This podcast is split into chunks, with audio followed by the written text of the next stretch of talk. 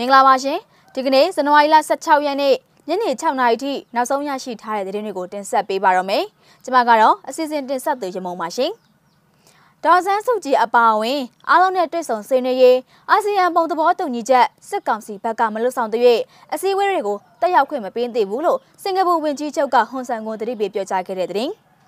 NCA လက်မှတ်ရေးထိုးထားတဲ့ ABDS တောင်းသားတမတော်ကစစ်ကောင်စီတပ်တွေကိုတိုက်ခိုက်နေပြီလို့ဥက္ကဋ္ဌရဲဘော်တန်ခဲကအတည်ပြုပြောကြားခဲ့တဲ့သတင်းတမိုးမြို့ပေါ်မှာစစ်ကောင်စီတပ်တွေမိုင်းဆွဲခံခဲ့ရတဲ့သတင်းတွေအပါအဝင်တခြားစိတ်ဝင်စားဖွယ်ကောင်းတဲ့သတင်းတွေကိုတင်ဆက်ပေးဖို့ရှိနေပါတယ်။ဦးဆောင်သတင်းသဘောအနေနဲ့နိုင်ငံတော်ရဲ့အတိုင်ပင်ခံပုဂ္ဂိုလ်ဒေါ်ဆန်းစုကြည်အပါအဝင် အလုံးနဲ့တွေ့ဆုံဆွေးနွေးရေးအာဆီယံပုံသဘောတူညီချက်၅ချက်ကိုစစ်ကောင်စီကအကောင့်ထဲဖော်ခြင်းမရှိတဲ့အာဆီယံထိပ်သီးအစည်းအဝေးပွဲတွေကိုတက်ရောက်ခွင့်မပေးသေးကြောင်းစင်ကာပူဝန်ကြီးချုပ်လီရှန်လွန်းကပြောဆိုလိုက်တာပဲဖြစ်ပါတယ်။ဇန်နဝါရီလ15ရက်နေ့အာဆီယံဥက္ကဋ္ဌကမ္ဘောဒီးယားဝန်ကြီးချုပ်ဟန်ဆန်နဲ့စင်ကာပူဝန်ကြီးချုပ်တို့မြမအရေးဆွေးနွေးခဲ့စဉ်သူကအထက်ပါတိုင်းပြောဆိုခဲ့တာပဲဖြစ်ပါတယ်။အာဆီယံအနေနဲ့ သဘောတူညီထားတဲ့ဘုံသဘောတူညီချက်တွေကိုစစ်ကောင်စီဘက်ကပူးပေါင်းဆောင်ရွက်မှုမပြုမချင်းအာဆီယံအစည်းအဝေးပွဲတွေမှာချန်လက်ထားမှုတွေဆက်လက်လှုပ်ဆောင်တင်တယ်လို့စင်ကာပူခေါင်းဆောင်ကပြောဆိုခဲ့တာပါ။ဟွန်ဆန်ဟာဇန်နဝါရီလ9ရက်နေ့မှာမြန်မာနိုင်ငံကိုအငင်းပွားပဲခရီးစဉ်တွားရောက်ခဲ့တာဖြစ်ပြီးအာဆီယံခေါင်းဆောင်များထိပ်သီးအစည်းအဝေးပွဲကဖယ်ထုတ်ခံထားရတဲ့မင်းအောင်လှိုင်နဲ့တွေ့ဆုံခဲ့တာပဲဖြစ်ပါတယ်။မလေးရှားနိုင်ငံသားရေးဝန်ကြီးကဟွန်ဆန်အနေနဲ့မြန်မာနိုင်ငံခရီးစဉ်မတိုင်မီ အာဆီယံခေါင်းဆောင်တွေနဲ့ဆွေးနွေးတဲ့နယ်လို့ဝေဖန်သုံးသပ်ထားတာပဲဖြစ်ပါတယ်။နိုဗယ်ဆုရှင်အစိုးရခေါင်းဆောင်ဒေါ်ဆန်းစုကြည်အပါအဝင်တက်ဆိုင်သူအားလုံးထိတွေ့ဆက်ဆံဖို့လိုအပ်ကြောင်းစင်ကာပူဝန်ကြီးချုပ်ကဟွန်ဆန်ကိုဆက်လက်ပြောကြားခဲ့တာပါ။အာဆီယံဥက္ကဋ္ဌကမ္ဘောဒီးယားရဲ့အဆိုပြုချက်အားလုံးကိုအာဆီယံနိုင်ငံသားရေးဝန်ကြီးတွေကြားမှာဆက်လက်ဆွေးနွေးသွားတဲ့နယ်လို့စင်ကာပူဝန်ကြီးချုပ်ကပြောဆိုခဲ့တာပဲဖြစ်ပါတယ်ရှင်။ နောက်ထပ်သတင်းသဘုတ်အနေနဲ့ NCA လက်မှတ်ရေးထိုးထားခဲ့တဲ့ ABSDF ចောင်းသားတမတော်ကစစ်ကောင်စီတပ်တွေကိုတိုက်ခိုက်နေပြီလို့ဥက္ကဋ္ဌရဲဘော်တန်ကဲအတည်ပြုပြောကြားခဲ့တဲ့သတင်းကိုတင်ဆက်ပေးကြပါမယ်။ အကြမ်းဖက်စစ်ကောင်ဆောင်မင်းအောင်လှိုင်ခေါင်းဆောင်တဲ့စစ်ကောင်စီတပ်တွေကိုတနိုင်ငံလုံးအပြစ်ခတ်ရစဲရေး NCA လက်မှတ်ရေးထိုးထားတဲ့မြန်မာနိုင်ငံလုံးဆိုင်ရာចောင်းသားများဒီမိုကရက်တစ်တပ်ဦး ABSDF အဖွဲ့ကတိုက်ခိုက်နေပြီဖြစ်ကြောင်း ABSDF ရဲ့ဥက္ကဋ္ဌရဲဘော်တန်ခဲကရန်ကုန်ခေတ်တင်သတင်းဌာနကိုပြောဆိုခဲ့တာပဲဖြစ်ပါတယ်။တိုင်းရင်းသားလက်နက်ကိုင်တပ်ဖွဲ့တွေပြည်သူ့ကာကွယ်ရေးတပ်ဖွဲ့တွေနဲ့အတူ ABSDF ကစစ်ကောင်စီတပ်တွေကိုတိုက်ခိုက်တပ်ပွဲဝင်လျက်ရှိကြောင်းဥက္ကဋ္ဌရဲဘော်တန်ခဲကပြောကြားခဲ့တာပါ။တပ်ပွဲက မြန်မာတနိုင်ငံလုံးမှာအာဏာရှင်နဲ့တိုက်ပွဲဖြစ်နေတာဆိုတော့ကျွန်တော်တို့ကလည်းထိုင်နေလို့မှမရတာ။နေဦးတန်လန်ရေးစဖြစ်လာကြတဲ့ကကိုပါပဲ။တောက်လျှောက်လုပ်ခဲ့တာပဲလို့မြန်မာနိုင်ငံလုံးဆိုင်ရာចောင်းသားများဒီမိုကရက်တစ်တပ်ဦး ABSDF ရဲ့ဥက္ကဋ္ဌရဲဘော်တန်ငယ်ကပြောကြားခဲ့တာပါ။မနေ့ကဇန်နဝါရီလ15ရက်နေ့မွန်းလွဲ2နာရီခန့်မှာစကိုင်းနယ်ကချင်အဆက် AR မြေတိုင်းစုံစင်းလာတဲ့စစ်ကောင်စီတင်မောနှစ်စီးကို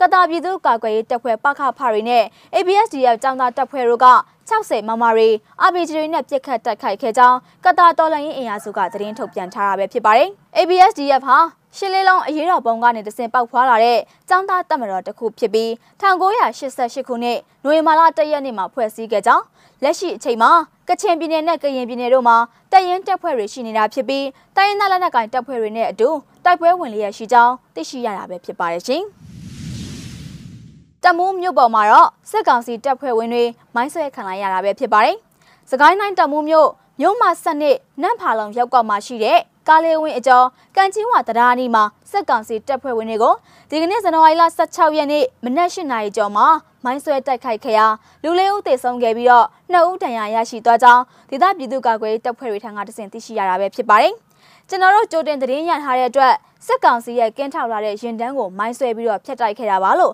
တမူးမြို့ပြည်သူ့ကာကွယ်တပ်ဖွဲ့တပ်ရင်းလေးရဲ့တာဝန်ရှိသူတဦးကပြောကြားခဲ့တာပါတမူးမြို့ကားလေးဝင်းဖွင့်ပွဲကိုလာရောက်မဲ့လူကြီးခင်းစင်မှာလုံခြုံရေးယူဖို့အတွက်နန့်ဖာလုံဘက်ထိနယ်မြေရှင်းလင်းမှုထောက်ခွာလာတဲ့စစ်ကောင်စီတပ်ဖွဲ့ဝင်တွေတိုက်ခိုက်ခံခဲ့ရတာပဲဖြစ်ပါတယ်တိုက်ပွဲအတွင်းမှာပဒေသာမိုင်းလေးလုံးရှေ့ထွက်မိုင်း6လုံးနဲ့ဖောက်ခွဲခဲ့တာဖြစ်ပြီးအပြန်အလှန်ပြစ်ခတ်မှုအ ਨੇ ငယ်ရှိခဲ့ကပူပေါင်းတိုက်ခိုက်ခဲ့တဲ့ចောင်းသားတပ်ခွဲ BSO နဲ့ တပ်ရင်းလေးကတပ်ဖွဲ့ဝင်တွေအထိခိုက်မရှိပြန်လည်ဆုတ်ခွာနိုင်ခဲ့တာပဲဖြစ်ပါတယ်ရှင်။နောက်ဆုံးသတင်းသဘုံအနေနဲ့စကိုင်းတိုင်းစလင်းကြီးမြို့နယ်ပြည်သူ့ကာကွယ်ရေးရဲဘော်တွေကို SSDF ကဥဆောင်ကျင်းပခဲ့တဲ့တင်နန်းအပတ်စဉ်6တင်နန်းစင်းပွဲကိုစကိုင်းတိုင်းအတွင်းမှာဇန်နဝါရီလဒုတိယအပတ်ကပြုလုပ်ကျင်းပခဲ့တာပဲဖြစ်ပါတယ်။အဲ့ဒီတင်နန်းမှာအခြေခံကာကွယ်ရေးတိုက်ခိုက်ရေးတွေနဲ့အခြေခံကျန်းမာရေးစေပညာရေးတွေကိုတင် जा မျှဝေပေးခဲ့တာပါ။ ဒဒါအပြင်စလင်းကြီးမြို့နယ်ကိုစလက်တူရေစကြော်မြို့နယ်ပခဖကတာဝန်ရှိသူတို့ SSDF တာဝန်ခံကိုဖိုးစိန်နဲ့ကိုရင်ရွေးခါတို့ကပြည်သူ့ကာကွယ်ရေးရဲဘော်တို့မှထားရှိရမယ့်စိတ်ဓာတ်စီမင်းစည်းကမ်းကျင့်ဝတ်ပိုင်းဆိုင်ရာတွေကိုမျှဝေပို့ချပေးခဲ့ကြောင်းသိရှိရတာပဲဖြစ်ပါတယ်။ရုပ်သံဖိုင်ကိုလည်းရှုစားရအောင်ပါရှင်။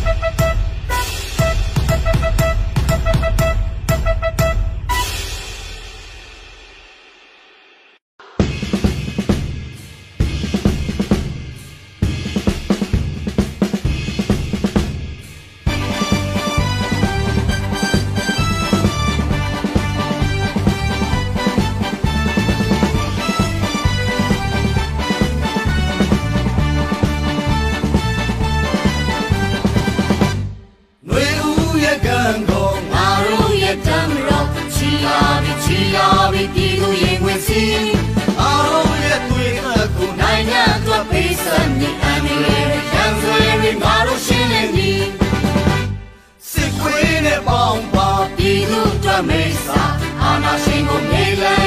နိုင်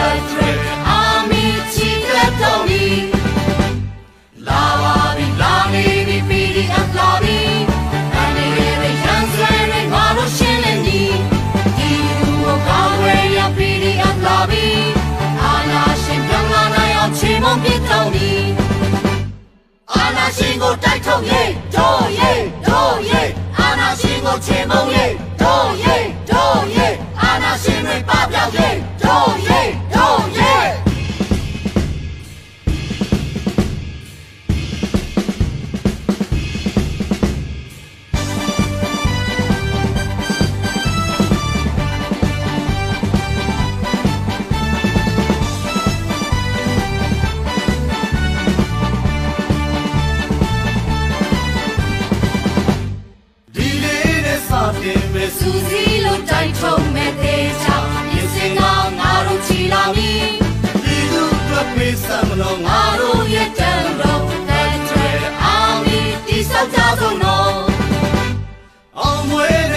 ဝေးပါစူစီလို့ချီတက်မှာကြာမီလာမီအောင်ဝေးလေးလေးဒီလူတပ်ကိုအိမ်ဒီလူတို့ဖြစ်စ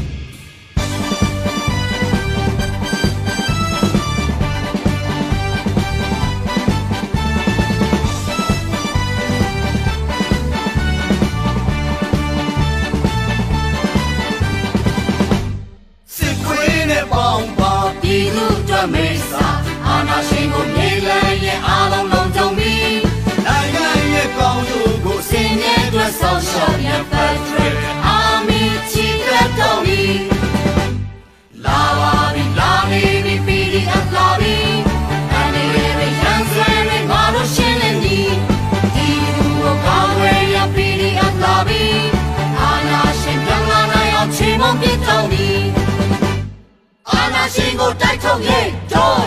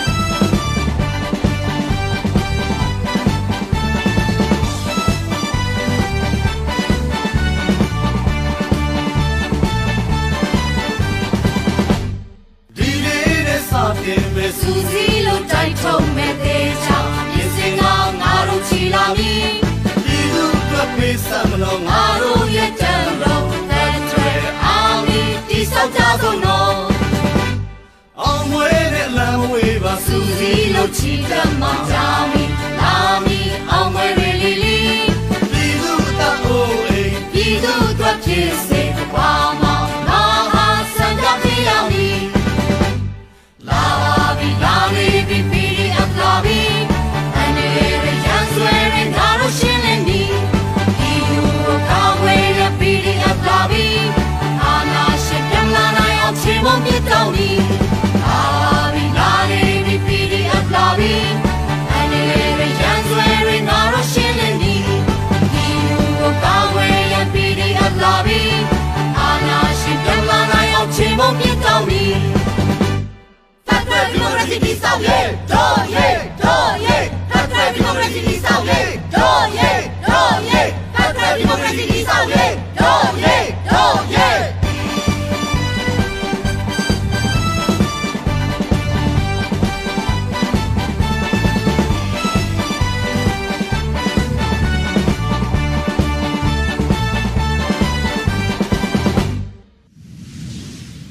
ဇန်နဝါရီလ16ရက်နေ့ညနေ6နာရီထိနောက်ဆုံးရရှိထားတဲ့သတင်းတွေကိုတင်ဆက်ပေးခဲ့တာပါကြည့်ရှုနားဆင်ပေးခဲ့တဲ့အတွက်ကျေးဇူးတင်ပါတယ်ရှင်။